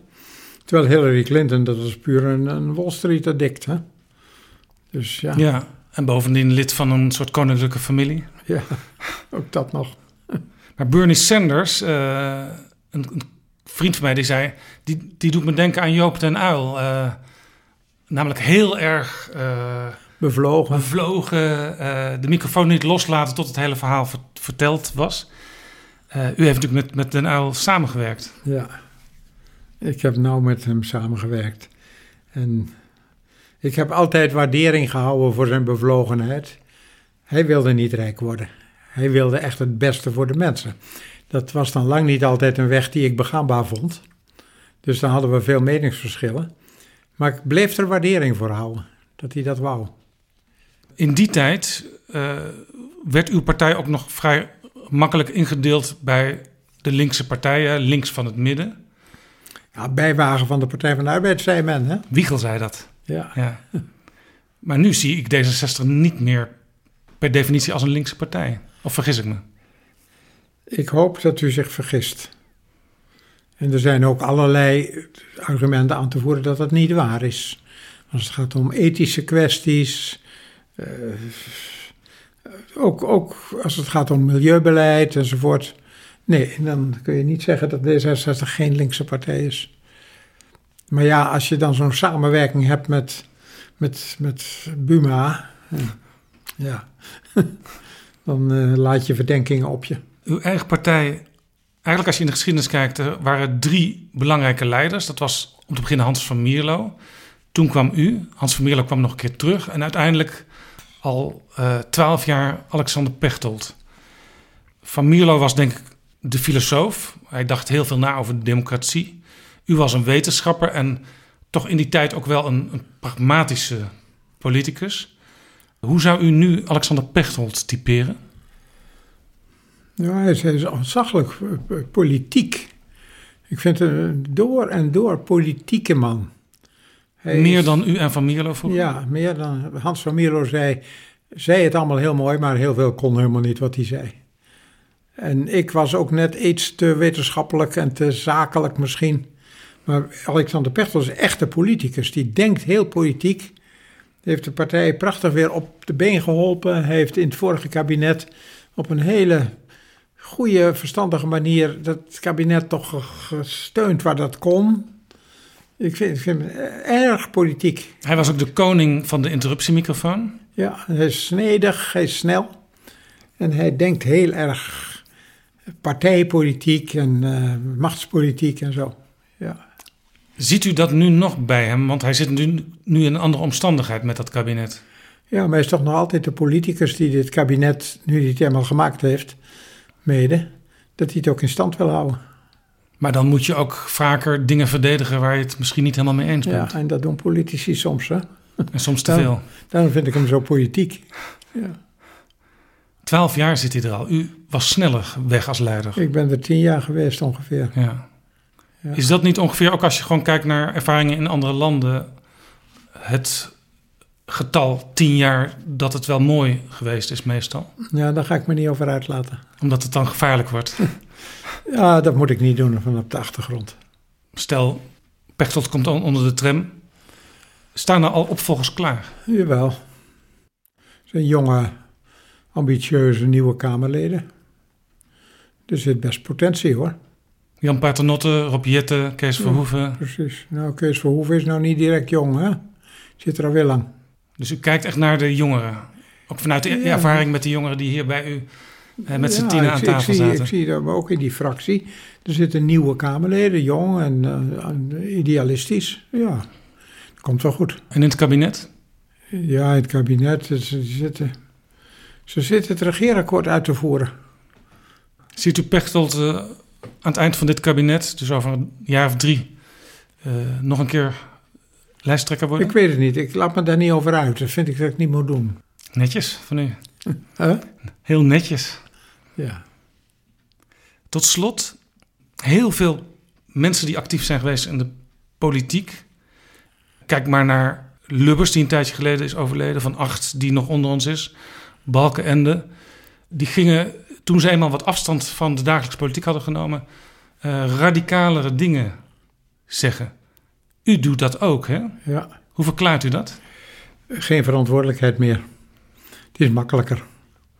Je hoeft de, ik hoef de consequenties van wat ik zeg niet zelf te dragen. Maar als je dat zegt, dan ontsla je bijna de mensen die nu actief zijn uh, van die zware verantwoordelijkheid die u wel ziet voor het klimaat, voor uh, de rol van het geld terugdringen? Nee, wat ik doe, en wat ook anderen doen, oudere mensen, dat is proberen de partij op een wat radicalere koers te krijgen. Terwijl je best weet dat ze zo radicaal als je zelf bent, dat dat gewoon niet kan lukken in de politiek. Maar ik probeer het zo te doen dat ik zeg, nou jongens, ik heb veel waardering voor jullie doen, maar het kan toch linkser, het kan radicaler. En ik hoop dat zo te doen zonder de partij schade te bezorgen. Maar ik vind dat ik dat moet doen. Dank u wel, Jan Terlouw.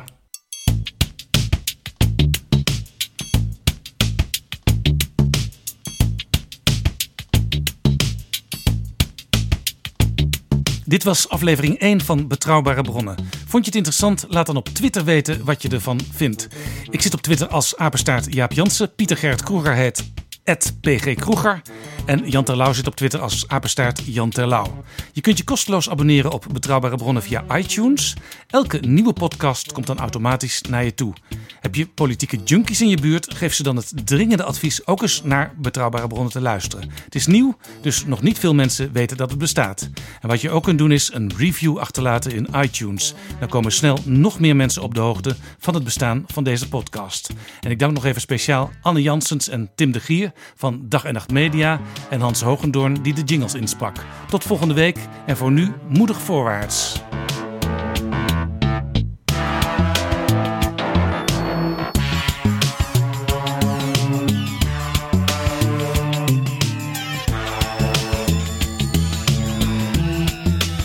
Betrouwbare bronnen wordt gemaakt door Jaap Jansen in samenwerking met dag en nacht.nl.